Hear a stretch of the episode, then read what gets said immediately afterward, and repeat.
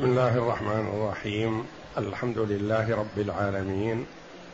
والصلاة والسلام على نبينا محمد وعلى آله وصحبه أجمعين. وبعد.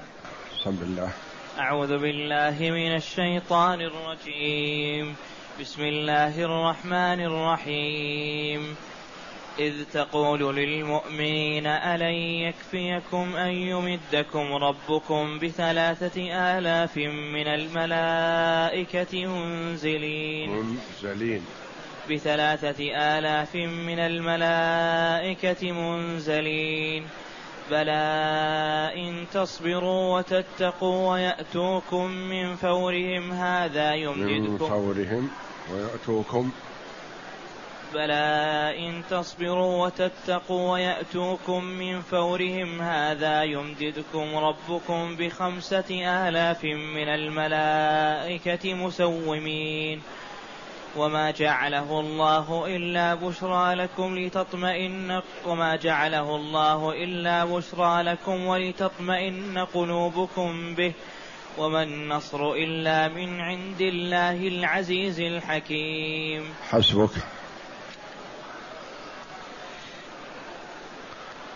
هذه الآيات الثلاث من سورة آل عمران جاءت بعد قوله جل وعلا ولقد نصركم الله ببدر وأنتم أذلة فاتقوا الله لعلكم تشكرون إذ تقول للمؤمنين ألن يكفيكم أن يمدكم ربكم أن يمدكم ربكم بثلاثة آلاف من الملائكة منزلين. الآيتين.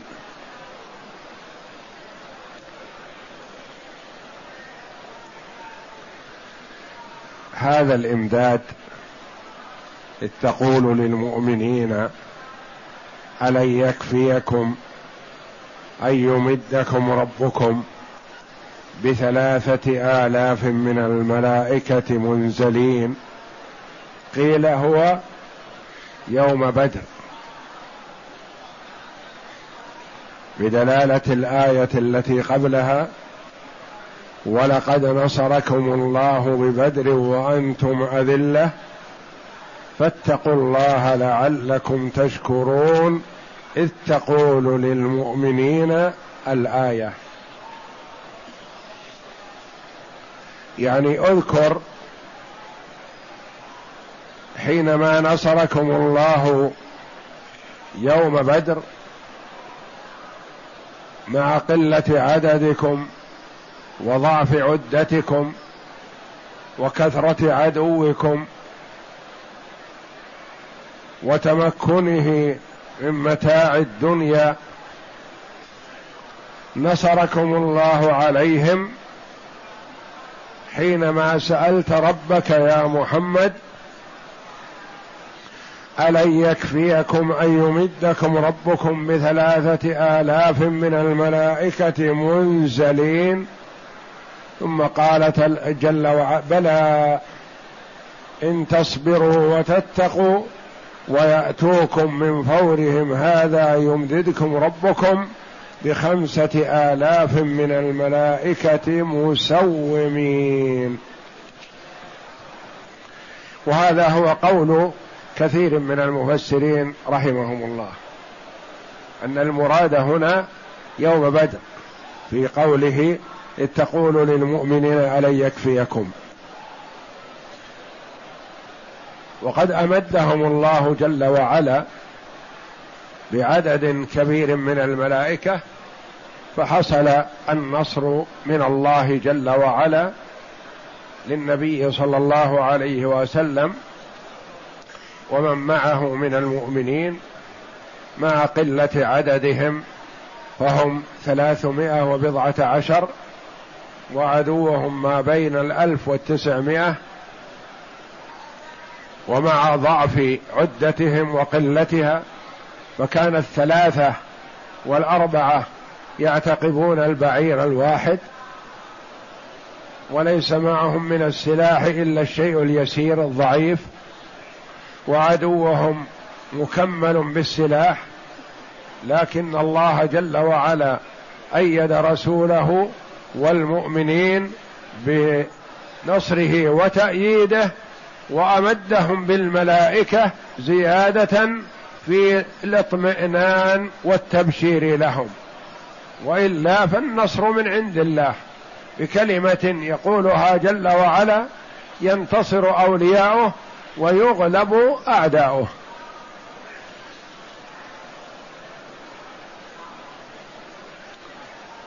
وقيل هذا في يوم أحد. تقول للمؤمنين ألن يكفيكم أن يمدكم ربكم بثلاثة آلاف من الملائكة منزلين لأن الكفار كانوا ثلاثة آلاف. بلى إن تصبروا وتتقوا ويأتوكم من فورهم هذا يمددكم ربكم بخمسة آلاف من الملائكة مسومين. هل حصل المدد؟ قالوا لا. ما حصل المدد. لأنه في يوم في أحد انهزموا. فلما بسبب المعصية.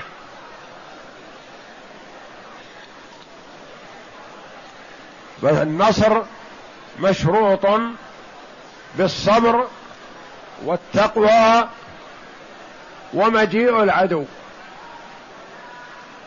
فتخلفت بعض الشروط فحصلت الهزيمة للصحابة رضي الله عنهم وانهزم الكثير منهم وولوا مدبرين. لأنهم خالفوا أمر رسول الله صلى الله عليه وسلم. والقول الأول هو الذي اختاره جمع من المفسرين أن المراد بالآيات يوم بدر والنصر لم يتخلف يوم بدر. بل حصل نصرا مؤزرا ونصرا عظيما. وأظهر الله أولياءه وخذل أعداءه بجمع من الملائكة مع نصره جل وعلا إياهم وتأييده لهم. وما النصر إلا من عند الله.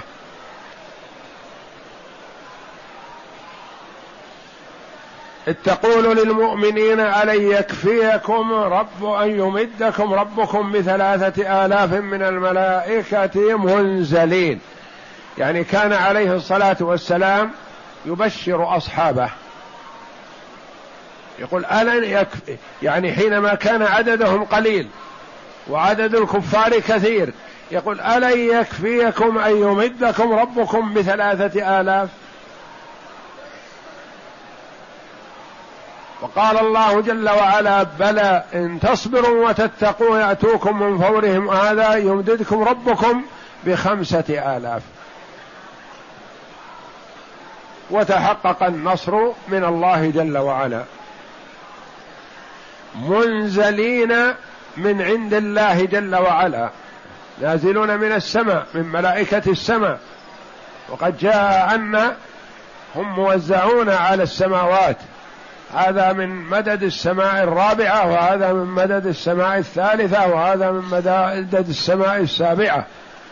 جند من الملائكة نزلوا وجاء أن الملائكة عليهم الصلاة والسلام لم تقاتل. مع النبي صلى الله عليه وسلم إلا يوم بدر. كانت تقاتل ومعها السلاح. وقتلوا من قتلوا من المشركين. بأيديهم عليهم الصلاة والسلام. كما روى بعض الصحابة رضي الله عنه قائلا إني لمتجه إلى الكافر لأقتله فإذا برأسه يسقط قبل أن أصل إليه. من ملك من الملائكة. والمسلمون الصحابة رضي الله عنهم لا يرون الملائكة. والكفار يرونهم. المؤمنون ما يرون الملائكة لئلا يستوحشوا ولئلا يتكلوا ويحجموا ويتركوا. والكفار يرون الملائكة لإلقاء الرعب في قلوبهم أو كثرة المسلمين. حتى إنهم يرون بعض الملائكة يقاتلونهم ما يعرفونهم من الصحابة. يقولون نرى وجوها ما كنا نعرفها لأنهم أبناء عمهم.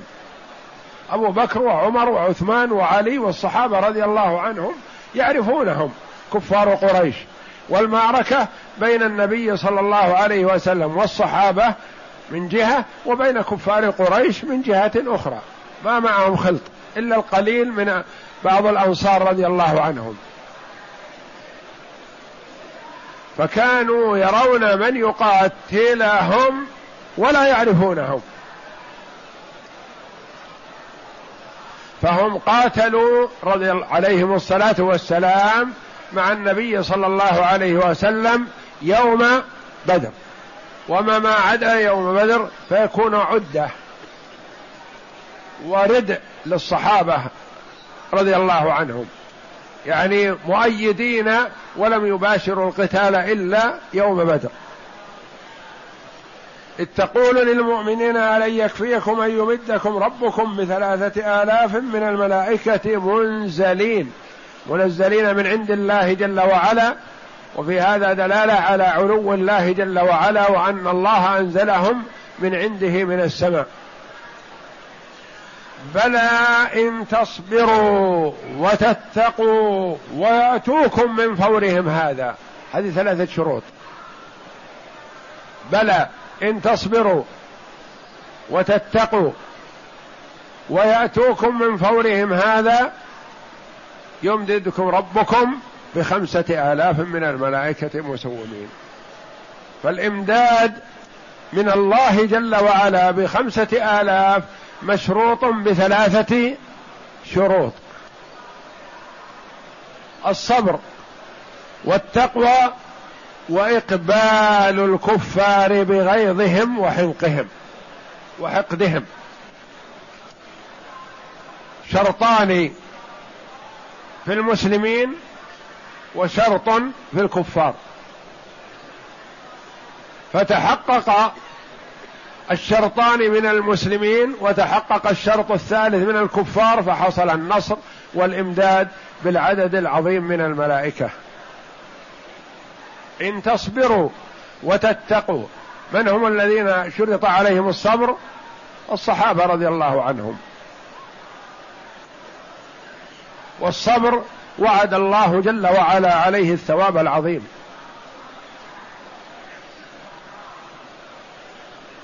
والصبر يحقق النصر للمسلمين.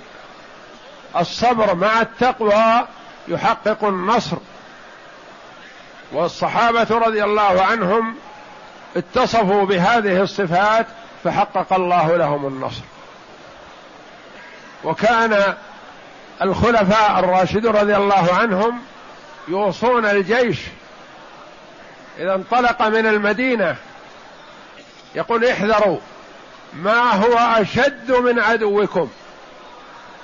احذروا ما هو أشد عليكم من عدوكم؟ ما هو المعصية؟ احذروا معصية الله فهي أشد عليكم من العدو. فالنصر لا يتحقق من الله جل وعلا إلا بالصبر والبعد عن المعصية.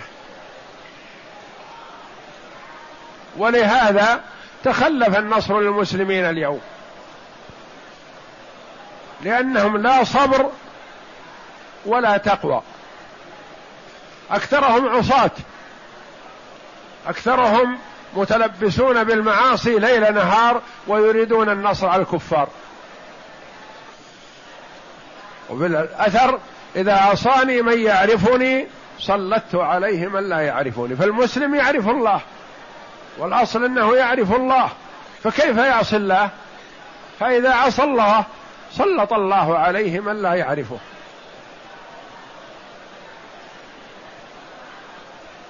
قال العلماء رحمهم الله النصر الذي تحقق للصحابة رضي الله عنهم مع النبي صلى الله عليه وسلم كان مشروط من الله جل وعلا بثلاثة شروط. يوم بدر ما تخلف منها شيء. فحصل النصر والتأييد. يوم أحد تخلف بعض الشروط. فما حصل النصر ولا التأييد. وحصلت الهزيمة واستشهد من استشهد من المسلمين رضي الله عنهم وأرضاهم. بسبب معصية النبي صلى الله عليه وسلم. عصوه قال ولو رأيتم الطير تخطفنا لا تبرحوا مكانكم. لو رأيتم الطير تأكلنا يعني جيف لا تنزلوا حتى أقول لكم انزلوا. فما صبروا نزلوا هذه معصية. بلى إن تصبروا. تتذرع بالصبر والتحمل احتسابا ورجاء ثواب الله. وتتقوا تتقوا الله جل وعلا بالبعد عن المعصية. ويأتوكم من فورهم هذا. إذا صبرتم أنتم واتقيتم وجاء الكفار من جهتهم. جاءوا بغيظهم. جاءوا بغضبهم. والفور يطلق على الجهة كما فسره بعض المفسرين ويطلق على الغيظ والغضب. لأنه من الفوران يقال فار القدر إذا كان يغلي يتحرك. الماء الذي فيه أو الطعام الذي فيه. وقد أتوا من فورهم جاءوا بغيظهم. لما؟ لأنهم جاءوا يريدون الانتقام ممن أراد الاستيلاء على عيرهم على العير التي جاءت من الشام. ويأتوكم من فورهم يعني من جهتهم أو من بغضبهم وحقدهم وثورانهم. إذا حصلت هذه الثلاثة الشروط فالله جل وعلا يمددكم بخمسة آلاف. من الملائكة مسومين مسومين معلمين بعلامات القتال. أو مسومين بعلامات الشجاعة أو أنهم يسمون الكفار بالسياط التي معهم. كالبرق. سياط كالبرق مع الصحابة رضي الله عنهم. مع الملائكة عليهم الصلاة والسلام. يمددكم ربكم بخمسة آلاف من الملائكة مسومين. ثم قال جل وعلا وما جعله الله إلا بشرى لكم. هذه بشارة. ولتطمئن قلوبكم ولترتاحوا بأن الملائكة معكم وانها ستقاتل معكم. وإلا فالنصر الحقيقي من الله وحده. إذا قال لينهزم الكفار انهزموا. لينتصر المسلمون انتصروا. وما جعله الله إلا بشرى لكم ولتطمئن قلوبكم به. إذا علمتم أن معكم الملائكة اطمأنت قلوبكم واستراحت. وأن الجيش الذي معه الملائكة منتصر بإذن الله. لا يمكن أن يغلب. وقد عرف الصحابة رضي الله عنهم قوة الملائكة. وهذا العدد كله زيادة في الاطمئنان وإلا لو أتاهم جبريل واحد أو واحد من الملائكة كفاهم. لأنه كما جاء أن جبريل عليه الصلاة والسلام اقتلع قرى قوم لوط بطرف جناحه من تخوم الأرض. قرى قوم لوط سبع مدائن. ما هي على اسمها قرى يعني قرية صغيرة مدائن كبيرة سبع. اقتلعها من تخوم الأرض ورفعها إلى السماء.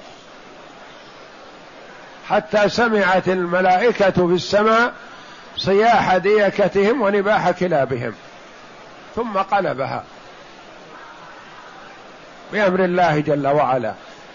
وهو عليه الصلاة والسلام كما وصفه ربه ذو القوة المتين. ذو القوة المتين. ما يعجزه شيء بأمر الله وبتقوية الله جل وعلا له. وإلا فهو هو هو بحد ذاته ما ينفع أحد بشيء دون الله جل وعلا.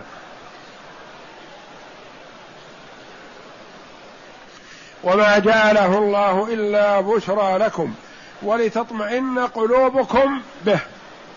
وما النصر الحقيقي؟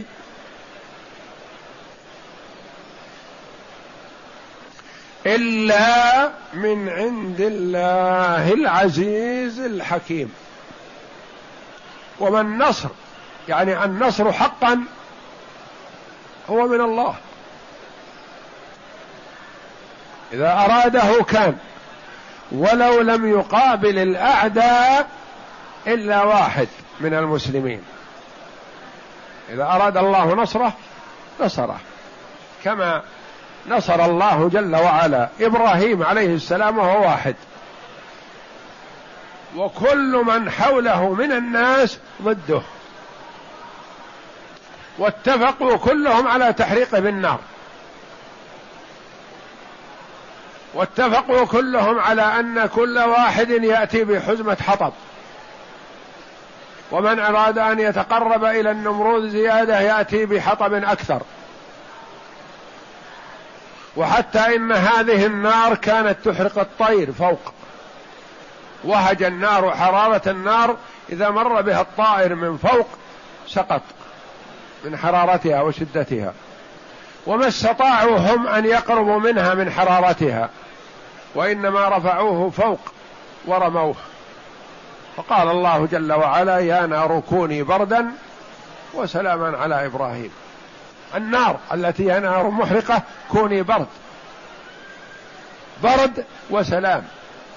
جاء أنه لو لم يقل وسلاما على إبراهيم لمات من شدة بردها لكن الله جل وعلا قال كوني برد وسلام. إبراهيم وحده. عليه الصلاة والسلام والناس كلهم ضده. كادوه فكادهم الله.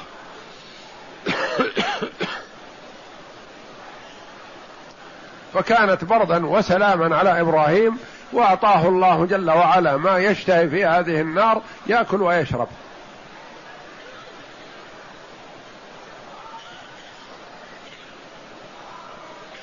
وبعد فترة ما يستطيعون أن يقربوا من النار. أرادوا أن ينظروا ماذا صنعت النار بإبراهيم. ما ما كانوا يظنون أن يبقى له أثر ولا عين. فإذا هو حي يرزق بخير وسلام من الله جل وعلا. ومع هذا ما آمنوا. وإلا هذه معجزة عظيمة.